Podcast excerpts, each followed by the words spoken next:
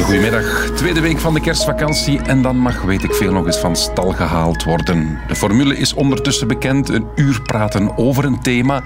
We noemen het ook wel eens in de wandelgangen een thema voor dummies.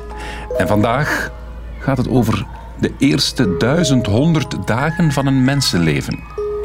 Hm, waarom, denkt u? Wel, de geboorte van een nieuw jaar. En voor mij brengt het nieuwe jaar ook een baby, want ik word vader. Dus ik dacht, laat ons Bino Singh eens vragen. Kinderpsychiater, verbonden aan het UPC KU Leuven en ook de Vlaamse voorzitter van de Internationale Vereniging voor het Mentale Welzijn van Baby's. Bino, lange titel. Absoluut. Ik weet niet of dat altijd nodig is, maar uh, kijk. Ja. Dat was een intro om u tegen te zeggen. Het mentale welzijn van baby's. Bestaat dat überhaupt? Wel ja, dat is de grote hamvraag. Ja. Voor mij is dat een, een evidentie, maar eh, ik snap kopen dat jij zegt... Hoe kan dat nu dat die iets voelen, ervaren, beleven, een emotionele leefwereld hebben? En toch is dat wel zo. Ja. Want eh, of dat je het nu gelooft of niet, baby's zijn mensen, hè? Absoluut. Ja. En toch zegt je, hebben die een mentaal leven? Nee, omdat, weet je waarom dat ik vraag? Omdat ik zelf niks meer weet van toen. Ja, Dus klopt. misschien dat mijn hersenen toen ook nog niet gewoon werken zoals die nu werken. Dus vraag ik mij af of een baby überhaupt een mentaal welzijn kan hebben. Maar jij zegt van wel. Ik zeg van wel, ja. Kijk. Blij dat je hier bent, blij dat je luistert, beste luisteraar. Zeer welkom bij Weet ik Veel. Goedemiddag.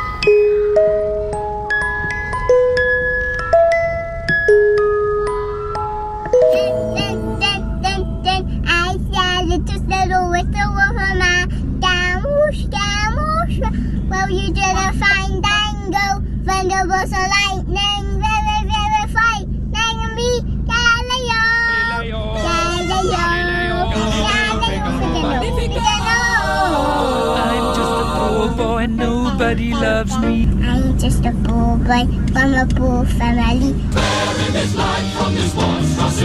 Weet ik veel. Bij mij in de studio Beno Singh, kinderpsychiater, babypsychiater kunnen we zeggen. Want dat hebben we al geleerd vandaag, dat ook baby's wel degelijk een mentale toestand hebben. En jij wilt daar de woordvoerder van zijn, want ze kunnen het zelf nog niet uitleggen. Hè?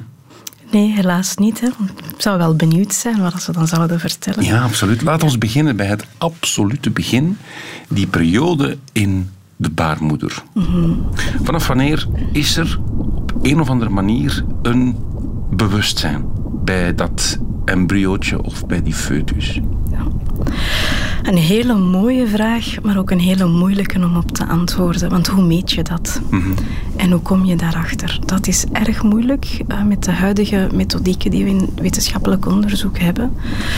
Dus dan, als we dat niet hebben, dan, dan blijf je achter met oké, wat zien we, wat ervaren we, ehm, wat kunnen we daarover filosoferen.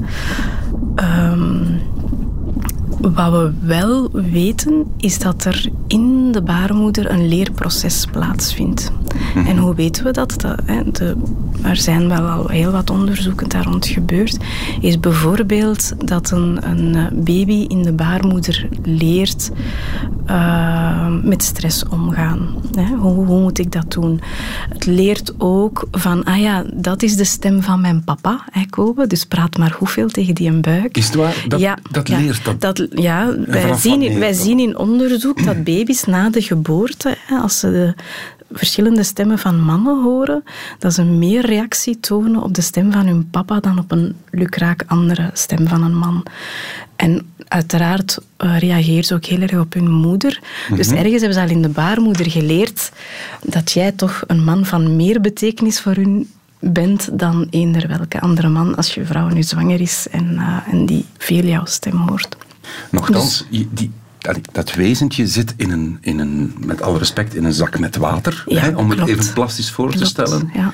Wat die hoort is, ja, we hebben daar een, een geluidsfragment. Dit is wat je dan hoort in een baarmoeder. Ja, dat, dat is vooral veel bassen. Je hoort wat gemompel. Maar toch kan dat wezentje die stem herkennen? Of, of die hoort dat wel al? Ja, toch wel. Want wij weten ook dat de, ba de baarmoederwand of de buikwand van de mama maar 5 decibel tegenhoudt. En als er een bepaalde soort stem met een bepaalde timer, een bepaalde pitch en kleur altijd maar passeert, uh, dan wordt dat iets dat de baby kent, net als de hartslag van de moeder. Hè. Zo zien we bijvoorbeeld ook op diensten neonatologie of, of, of andere dingen, dat als, als een baby de hartslag van zijn mama hoort, dat hij daar op slag rustig van wordt. Want alles wat we kennen, geeft ons een vertrouwd gevoel, mm geeft ons een veilig gevoel en daar ontspannen we van. Voelt het kind dan ook als de moeder stress heeft, kan dat dan ook al gevolgen hebben? Absoluut. En dat is wat ik daarnet naar verwees. Daar is ook heel veel onderzoek naar gebeurd. We hebben gemeten hè, of vrouwen hoge stress, langdurig hoge stress ervaren, uh, of bijvoorbeeld langdurig zich depressief voelen of angstig voelen. Die babytjes zijn opgevolgd geweest tot uh, ver in de volwassenheid. Tot, uh, er is een studie van Bea van den Berg die ze zelfs tot de leeftijd van 30 jaar heeft opgevolgd. Mm -hmm. En dan zien we dat baby's die wel hoge stress meemaken samen met de mama in de buik, dat die anders ontwikkelen en een hogere kans hebben op allerlei problemen, tot ver in de volwassenheid, dan baby's die dat niet meegemaakt hebben. En dat is nogal wiedes eigenlijk, hè? want wat is de moeder natuur aan het doen? Er ontstaat daar een nieuw wezen. Mm en die moet het uh, vooral halen, hè. die moet het overleven. En hoe overleef je het best? Zodat je je zo goed mogelijk aan de omgeving aanpast waarin je geboren wordt. Dus als de baby uh, in de baarmoeder al signalen krijgt, er is hier veel stress, dan gaat zijn biologisch systeem daar wel op, op aangepast worden. En, en gaat hij daar van alles door leren en dan op die manier ook de wereld instappen. maar hoe kan dat kind dat voelen? Want die is enkel met een navelstreng geconnecteerd aan de moeder. Dat is om, om zuurstof en voeding te geven, ja. dacht ik. Ja, maar, maar toch niet om emoties door te geven? Uh, wel, dat, dat kunnen we niet meten, of dat hij de mhm. emoties doorkrijgt. We kunnen daar wel over filosoferen en, en over nadenken. Maar wat we wel kunnen meten, is de stresshormoon die moeder maakt als ze veel stress heeft. Hè. Ja. Die kunnen we meten bij de mama, maar die kunnen we ook meten uh, hoeveel dat er daarvan in, in het bloed van, van, van het kindje zit. Dus een gestreste moeder geeft letterlijk dat stresshormoon door, door via de placenta. Hè. Dus de placenta houdt bijvoorbeeld heel veel toxische dingen tegen, maar een stresshormoon houdt die niet tegen. Omdat die natuurlijk net wil dat die info tot bij de baby geraakt, zodat hij geïnformeerd is van hoe moet ik mezelf programmeren, zou je mm bijna kunnen zeggen, op de omgeving, afgestemd op de omgeving waarin ik terechtkom. Ik geef heel vaak het voorbeeld, um, omdat dat mij zo, zo een duidelijk voorbeeld lijkt. Hè. Stel dat een mama in een oorlogsgebied leeft. Ja. Dus uh, ik hoef u niet, daar geen extreme tekening bij. Stress, extreme stress maakt dat, daar is geen discussie over. Mm -hmm. Elke mama zal daar stress ervaren. Dus hoge cortisollevels hebben, en dat is het stresshormoon in haar bloed. En dat gaat dan naar het kindje. En wat gaat dat kindje doen? Die gaat zijn. Uh, stressas, dus een stresssysteem, dat, dat is een koppeling tussen het brein en, en uw organen die stresshormonen produceren, daarop afstemmen. Dus dat gaat een babytje worden die heel uh, gevoelig en alert gaat zijn. Dus die wordt geboren en dat gaat een babytje zijn die gemakkelijk en veel gaat huilen, die minder diep zal slapen, die uh, frequenter voeding zal vragen, mm-hmm. omdat dat systeem zo is geprogrammeerd dat de baby alerter is. En waarom doet die baby dat? Een alertere baby, die al die gedragingen stelt, zal als gevolg de mama dicht bij zich houden. Want die mama zal veel met die baby moeten bezig zijn als hij die vaak moet voeden. Als hij ah, niet, niet, diep slaapt en niet heel veel doorslaapt en veel huilt. Maar dat heeft een functie. Want door dat gedrag te stellen blijft de mama dichtbij. Als de volgende bom valt, zal de mama de baby zeker niet vergeten. Maar stel dat die baby die informatie niet heeft gekregen in de zwangerschap. Hè, en dan wordt een lekkere chillen op de billen baby, heel content. Op de billen. Uh, en die slaapt door en die kan lange periodes zonder mama, die moet niet vaak gevoed worden, is heel content. Dan ligt hij misschien een paar kamers verder al twee uur in zijn of haar wieg te slapen en is die mama met iets totaal anders bezig. En als dan de volgende bom valt, lukt het haar misschien niet om de baby mee te pakken. Mhm. Zie je, dus het gaat om de overlevingskansen verhogen. Zo denkt moeder natuur. Maar natuurlijk daar is dat wat ik noem een, een eh, zinvolle aanpassing aan de omgeving. Het, het dient de baby. Ja? Maar als de mama natuurlijk stress heeft omwille van andere redenen dan in een oorlogsgebied te zitten, bijvoorbeeld omdat er veel relationele problemen zijn in de zwangerschap met de papa, of omdat er inter, intrafamiliaal geweld is, of mama leeft in armoede, of mama heeft eh, werk waar ze veel stress van ervaart. Of er zijn verlieservaringen. Alleen noem maar op. Die mama geeft dezelfde hoeveelheid stresshormonen door, maar om andere redenen. En die baby wordt op dezelfde manier geprogrammeerd. Dus stress op het werk kan voor de foetus Ja. even hetzelfde effect hebben dan een vrouw in een oorlogssituatie. Ja, Stress want, want de, de, de foetus maakt geen verschil voilà, in ja. de reden waarom de mama stress heeft. Die heeft gewoon zo van, er is hier stress. Dus ik word ook geconfronteerd met stress. Dus wat ga ik daarmee doen? Mhm. En het is wetenschappelijk Ja. aangetoond dat eh, kinderen die, die stress hebben ervaren in de baarmoeder, dat die later ook... Ja. Dat daar echt een persoonlijkheidsstoornis Er is een groot woord misschien, maar wel ja. eigenschappen aan toe te Ja, schrijven. die hebben, wij kunnen uit onderzoek alleen maar over kansen spreken. Dus die hebben veel meer kans op wat wij zeggen in de, in de eerste jaar op regulatiestoornissen. En dat zijn huilbabytjes, slechte slapers, moeilijke eters. Die hebben veel meer kans op gedragsproblemen, op emotionele problemen, op leerproblemen. Later weer hè, heeft dat. En zo blijft dat als een sneeuwbaleffect doorrollen. Je zou kunnen veronderstellen dat zo'n baarmoeder niet het meest aangename milieu is. Dan moet dan nogal een gerommel en een geklot van belang zijn. Het eh, constant, misschien ook wat overdreven warm. Hè. 37 graden, het eh, getolt daar altijd rond in zo'n waterig Je kunt daar ook niet weg, je kunt er eigenlijk niks doen. Dus misschien is slapen dan nog wel het beste om, eh, om te doen. Weet ik veel. Bij mij in de studio kinderpsychiater Binu Singh. En het gaat dus over die eerste duizend en één dagen. We zijn nog altijd in die baarmoeder. Nog heel even daarover. Is dat een aangename plek? Ik hoor Dirk Drouwland zeggen, poeh, je moet u er niet te veel bij voorstellen. Dat is daar heel warm. Ja, de lichaamstemperatuur 37 graden. Dat is een zak water. Is dat leuk om daar te zijn? Is dat een aangename plek? Want er gebeurt ook niet zo heel veel. Hè? Maar ah ja, Vrij in, vervelend, denk ik. zelf. in ons ogen. Hè? Want eigenlijk als je kijkt naar hoe dat een kind ontwikkelt, daar gebeurt heel veel. Het is een heel drukke tijd waar Ja. heel veel gebeurt, heel veel binnenkomt. Maar is het daar aangenaam? Het is wat dat de baby kent. De baby kent niks anders. Dat is, eh, die heeft geen ander referentiepunt om mee te vergelijken. En ik vraag me af of dat hij al zo nadenkt. Maar is het een aangename plek? Ik hoop het wel voor de baby. En eh, dat zal er, wat ik er tot nu toe al van begrijp, hè. ik weet daar ook nog niet alles over, dat zal er van afhangen, van afhangen Och, zeg, ik raak al niet meer uit mijn woorden. Ervan afhangen hoe dat, eh, de mama zich voelt en hoe dat het met de mama gaat. We hebben het er net over gehad. Hè. Als Ja. de moeder stress heeft, is de kans Ja. zeer groot dat dat kind dat ook gaat ervaren en Ja. later in het leven gaat meenemen. Maar doet die, dat kind ook al iets om te ontspannen? Speelt dat al? Ja, ja, absoluut. absoluut. Want er wordt wel eens Ja. gezegd, ik voel hem bewegen. Is Ja. dat effectief dat kind dat zich, dat zich beweegt? Of zijn dat stuiptrekkingen? Wel, we denken dat het eh, begint met reflexmatige bewegingen. Hè. Dus eh, dat zenuwstelsel is zich aan het uitrijpen, dat lichaam is aan het Ja, groeien. spierkrampje Ja, en ja daar, dus dat moet, dat moet ja, een beetje aan de slag gaan. Dat is net als dat het kindje al wat eh, vruchtwater inslikt, hè, om die slikbewegingen te maken. Ja, om. Dus er is daar wel al... Dat lijkt voor ons, het is daar saai, er gebeurt niks, maar er gebeurt daar magisch veel. Ja. En droom- Maar- droomt het? Heeft, Ja. heeft het? Ja, ah, oké. Ja, wij zien ook dat baby's dromen. We, zien, we kunnen ook metingen doen waarin we zien aan de baby is nu aan het slapen, nu is die echt wakker. Eh, dat zijn allemaal, ja, er gebeurt... Ah, er is al een slaap- en ja, cyclus. Ja, ja, ja. Een, een cyclus weet ik niet, maar er, is, er zijn wel goed eh, te onderscheiden periodes tussen dat we kunnen meten en zien van nu is de baby aan het slapen en nu is die wakker. En het is wel bijzonder om dat allemaal te bestuderen, omdat we inderdaad zien dat bijvoorbeeld baby's die meer stress ervaren, die hun hartfrequentie bijvoorbeeld veel meer gaat variëren. Terwijl de baby's die rustiger zijn, daar, daar veel, ja, oké. veel minder variatie in hebben in hun hartslag. En dat is bij ons ook zo.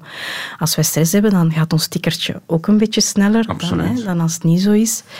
Ehm, of wij zien inderdaad dat de hoeveelheid droomslaap en zo, dat dat varieert. Dus we kunnen heel veel dingen wel, wel meten, dus er is daar wel veel gaande. Maar om bij uw vraag uit te komen van is het daar fijn? Ik hoop het wel voor een baby, hè, want die maakt, die leert Allee, we gaan nooit zo snel in ons leven ontwikkelen en zo snel leren als dan. En ik weet niet of dat jij recent nog iets nieuws hebt geleerd, maar daar gaat, Elke dat, dat, is, dat is spannend als je iets nieuws leert. Ik, ik leer net dat een, dat een baby droomt. Dat- Ja, ja, ja, die droomt. ja. We weten nog niet wat dat de functie is van die droom, maar die droomt zeker wel. Die, die, we, z- zien dat die remslaap doet, hè, rapid eye movement. Maar dus het kind is daar... Ja, ik kan het niet, we kunnen het niet vragen natuurlijk, maar je hebt de indruk wel dat het kind daar graag is, maar dan komt er wel een bepaald moment... Dat hij eruit moet. Ja, Ja, of het kind. Ja, wat ik, kan, ik ga misschien nog afmaken wat ik aan het vertellen was. Ik Ja. hoop dat het kind daar graag is. Ik gun het dat kind zo. Want ik was net aan het uitleggen, die, die groeit zo snel, die leert zo snel. Hè. Daar, daar komt wel wat bij kijken. En dan is het heel fijn dat je als persoon die in die situatie zit, het gevoel hebt, ik ben daar niet alleen in. Ik heb alles wat ik nodig heb en dat is allemaal hier voorhanden. Hè. Eh, en als ik dat een beetje doortrek, betekent dat dat een zwangere het gevoel heeft, ik ben hier aangenaam zwanger en alles wat dat daarbij komt kijken, ik, heb, ik, ik krijg alles wat ik nodig heb zonder dat ik me schuldig moet voelen of moet voelen dat ik anderen belast of zo. Dat is wat ik eigenlijk de baby vooral gun, Ja. vanuit wat ik weet dat hij het gevoel heeft. Ik zit in een omgeving waarin er genoeg is. En ik mag nemen wat ik nodig heb. Bij alles wat ik nu aan het doen ben. Bij alle groei- en leerprocessen dat ik kan doen. Dat gun ik die baby vooral. Ja. Ja. Maar ja, het- ooit moet het er dan toch uitkomen. Ah, ja, dat hopelijk. lijkt, ja, dat- dus je zit daar in die warme zak water. Ja, ja. 37 graden. Dat is goed. Alles gebeurt via die navelstreng. Je hoeft niks te doen. Hey, chill. En dan opeens is er dat licht, die, die, die, ja, ja. Het is de grootste overgang ooit die we in ons leven gaan meemaken na de dood. Hè. ja, dat is toch...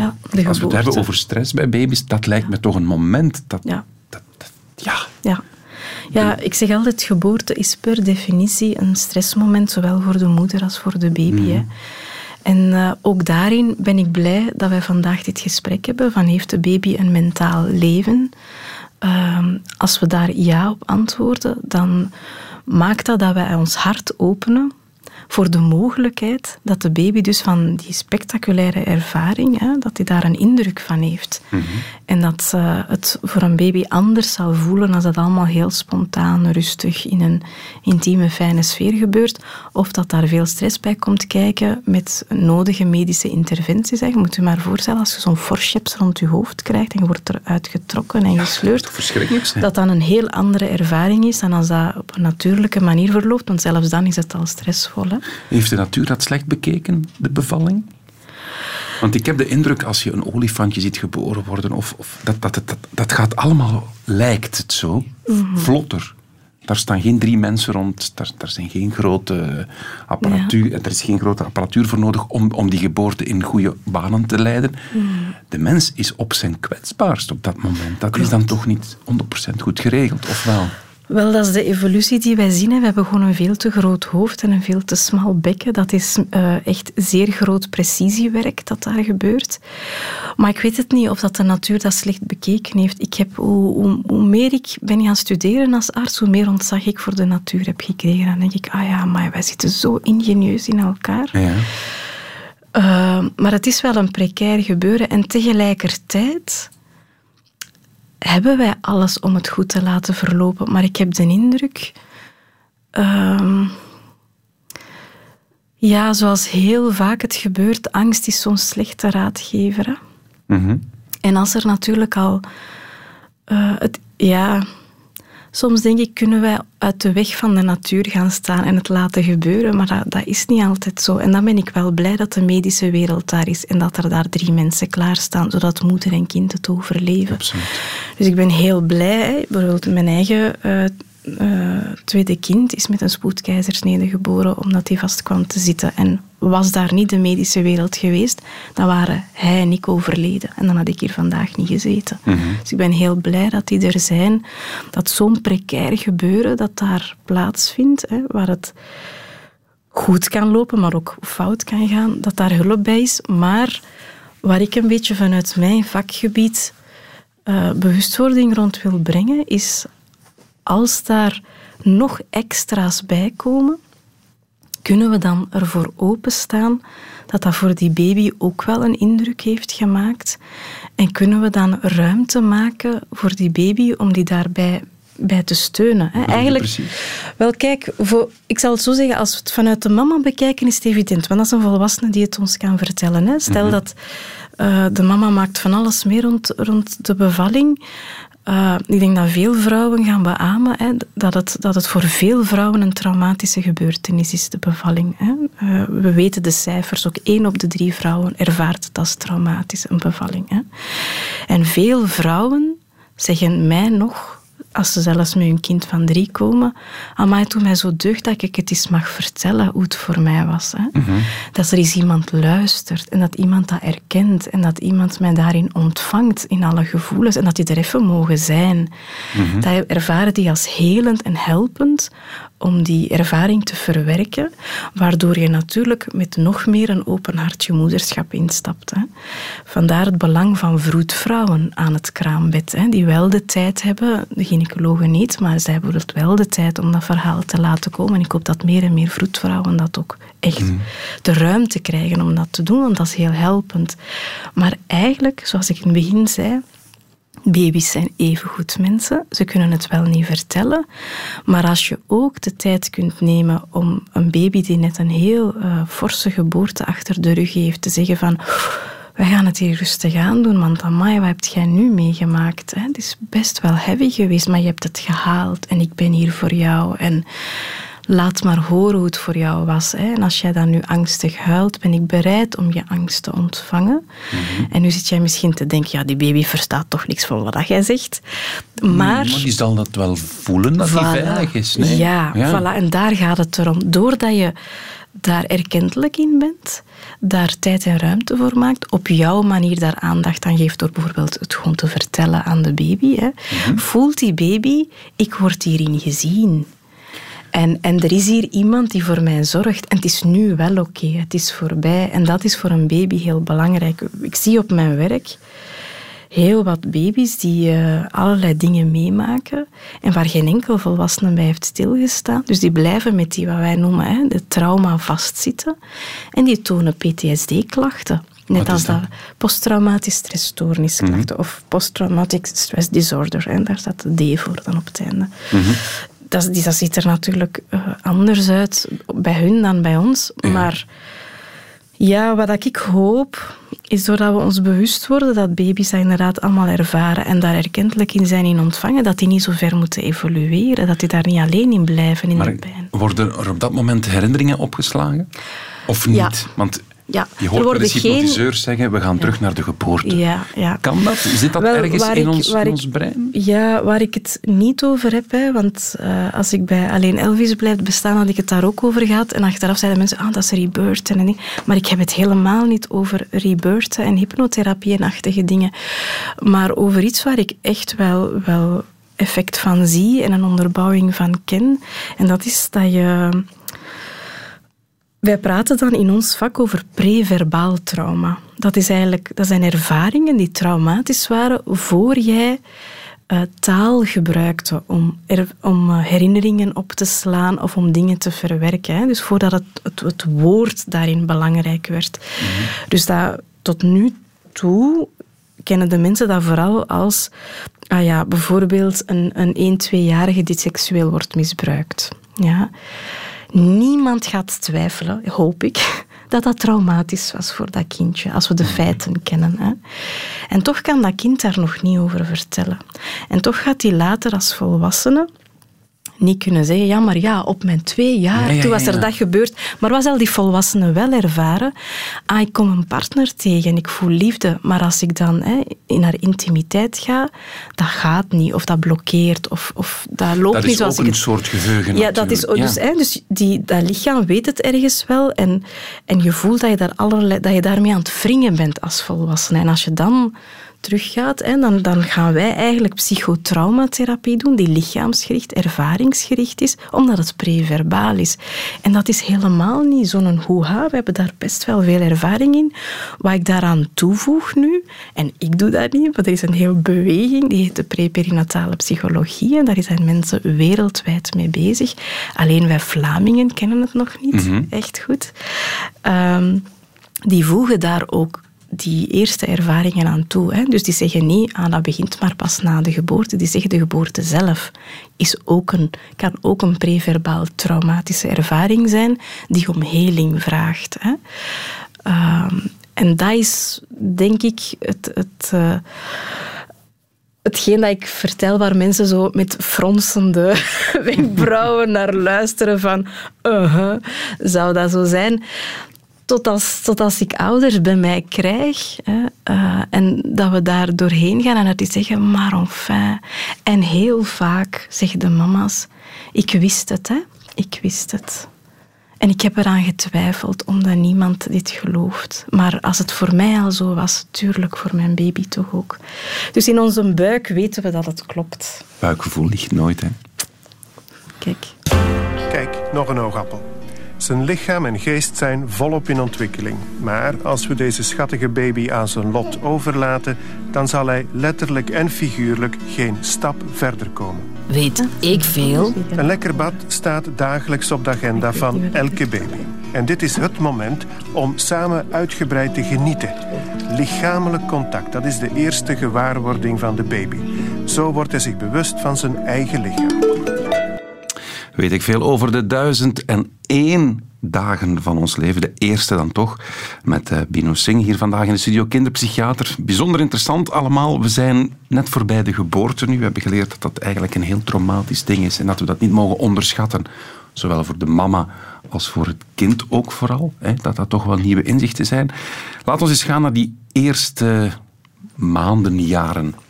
Er wordt gezegd, die eerste duizend en één dagen daar gebeurt eigenlijk gigantisch veel wat invloed heeft op de rest van je leven. Klopt dat nu echt? Dat klopt. Wordt daar de basis, de fond, de fundering gelegd van alles? Ja. En hoe dan? Op elk vlak. Wij eh, als artsen praten graag over het eh, biopsychosociaal model.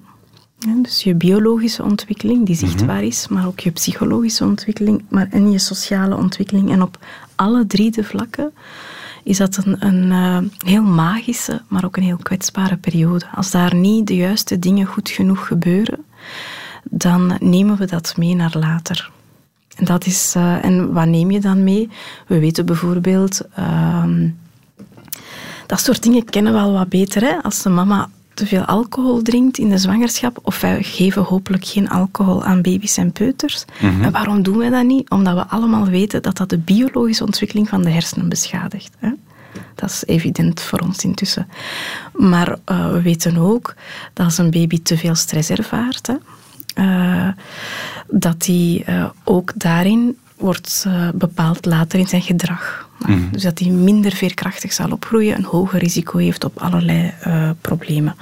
We weten ook hè, dat als je niet genoeg een veilige hechtingsbasis meekrijgt, dat is dan de sociale ontwikkelingen, dat dat u bepaalt in alle relaties die je later gaat aangaan. Hè, tot als je dat weer heelt en, en corrigeert.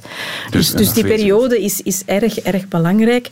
En tegelijkertijd, ik voel dat zelf ook altijd als mama. Hè, als je dat weet, dan denk je, oei, oei, oei, ik kan als ouder uh, het misschien snel verprutsen. Of als het fout loopt, is allemaal mijn schuld. Dat is zeker niet mijn boodschap hierbij. Uh, ja, want de druk verhoogt wel. Als de je zegt verhoogt, de eerste duizend en één dagen, ja, ja, daar gebeurt het. Ja, ja, Ik sta er ook voor binnenkort. Dat, dat legt wel enorm veel. Ah ja, ja, ja. En dat is absoluut, absoluut niet mijn boodschap. Mijn boodschap is één, kunnen we de baby erkennen als een mens die van alles beleeft en van alles een ervaring heeft. En twee, kunnen we de volwassenen die rondom dat kindje staan, die dus de verantwoordelijkheid mhm. hebben om dat proces daar goed te laten verlopen van die vroege ontwikkeling, maximaal steunen en faciliteren. Want geen enkele ouder, maar ook echt geen enkele, ik ben er nog geen één tegengekomen, het is maar een zeer klein percentage van de volwassenen die psychopathische ontwikkeling heeft, maar bijna iedereen wil goed voor zijn of haar kind zorgen. Dat mhm. is gewoon zo. maar maakt fouten door vermoeidheid? En ja, doordat hij zelf niet genoeg krijgt wat hij nodig heeft om voor zijn of haar kind te zorgen zoals hij daarvoor zou willen zorgen. Maar kan je het ooit goed genoeg doen? Kan je, het perfect doen? Of moet dat ook niet? Want nee, een beetje... ik, ik raad af om het perfect te doen. ik raad het zelfs af. Ja. Waarom? Omdat er een bepaalde marge moet zijn om fouten te mogen maken, want daar leren we ontzettend veel uit. En ook onze kinderen. En, en daardoor leren we ook de imperfectie van ons mens zijn eren van bij het begin. Dus, en, dus mijn pleidooi is zeker niet geweest, wij moeten perfecte ouders creëren om daarna het perfecte kind te creëren en dus zo de perfecte samenleving.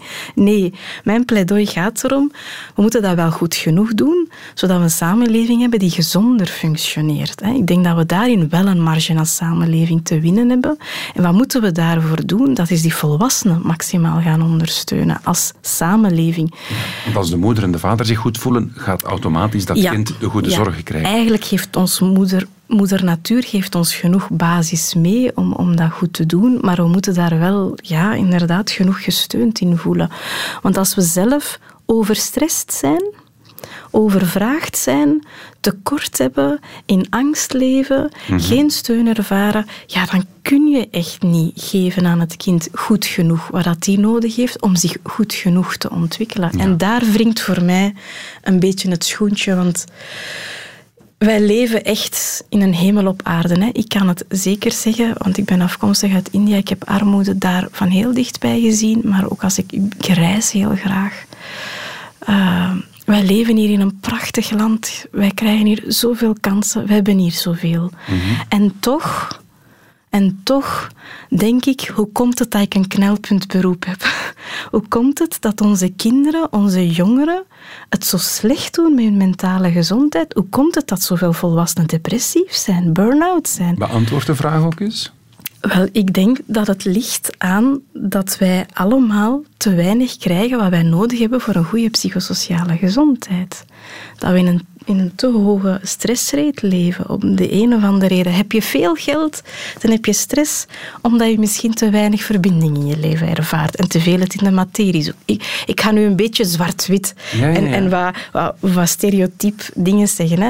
Heb je te weinig geld, dan ben je misschien, hè, heb je warme relaties, maar je hebt voortdurend stress. Want ja, hoe ga ik straks een boterham geven aan mijn kind? Noem maar op, er zijn zoveel variaties. Ik denk altijd, wij hebben hier zoveel.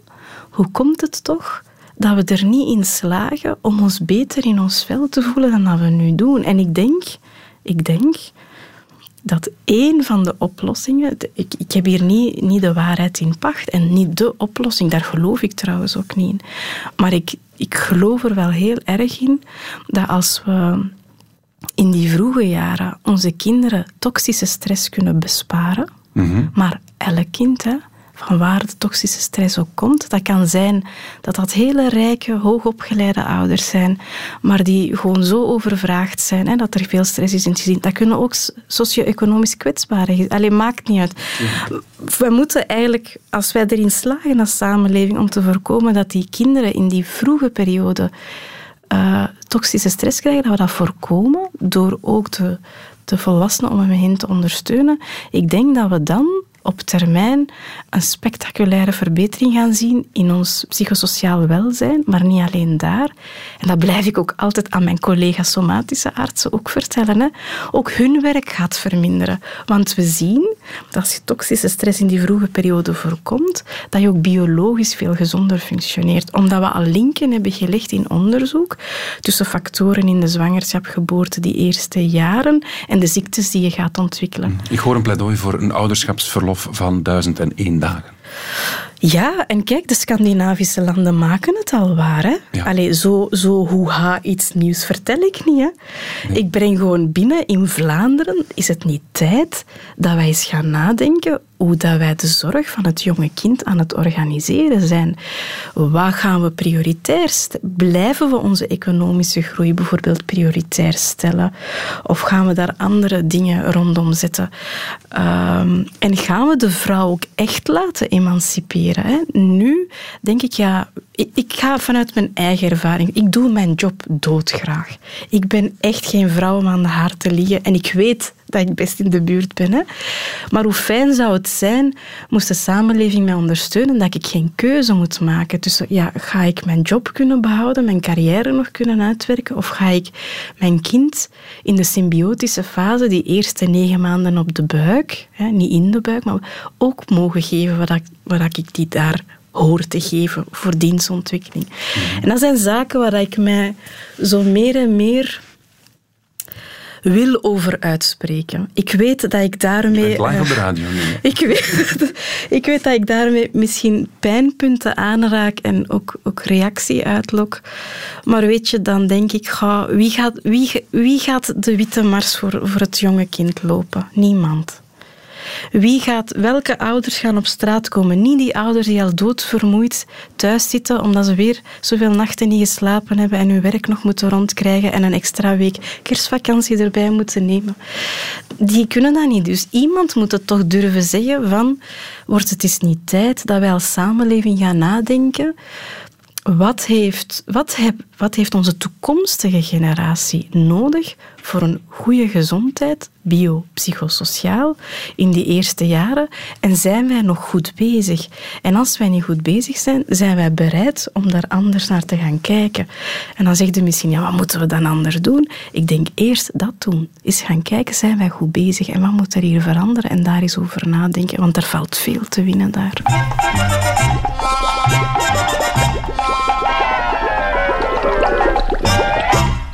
Hebben in ons land vrij primitieve gedachten over kindercrèches.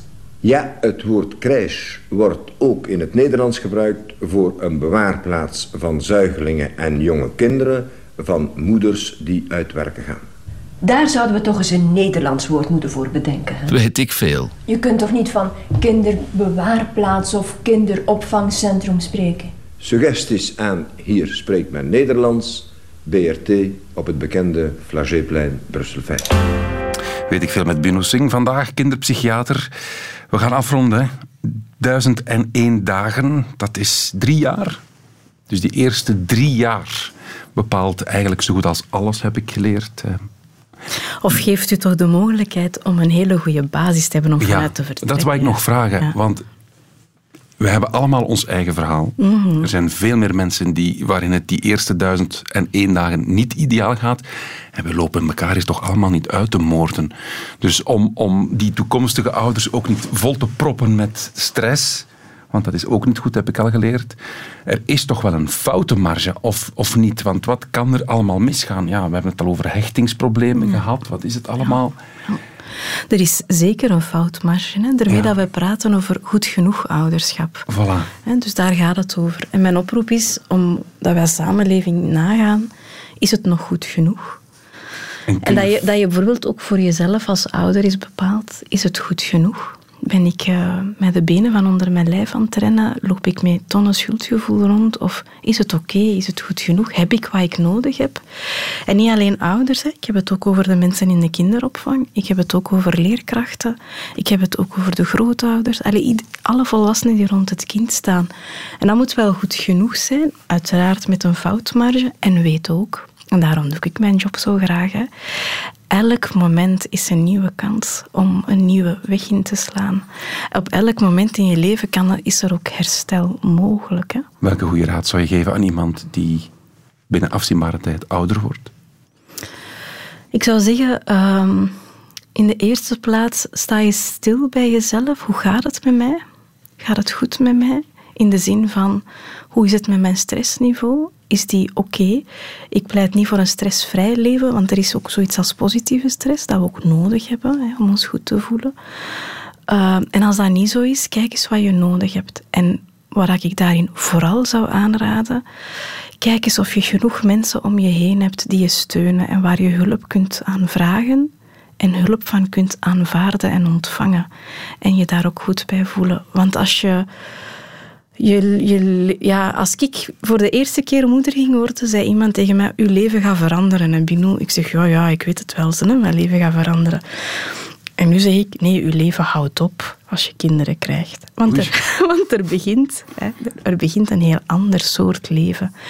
Waarin dat je niet anders kunt dan openstaan voor hulp. En dan gun ik het je ook dat je veel hulp hebt om je heen, zodat je het samen kunt doen, omdat het veel van ons vraagt om het goed genoeg te doen. Oké. Mag ik u danken voor dit uurtje? Heel graag gedaan en heel blij dat je me hebt uitgenodigd. Ik ben blij dat uh, dit thema aandacht mag krijgen. Bij deze. U bedankt, luisteraar. Bedankt voor het luisteren. Radio 1. Weet ik veel? Dit is het einde van deze podcast van Weet ik veel. Weet ik veel is trouwens een programma van Radio 1. Op radio1.be vindt u nog veel meer.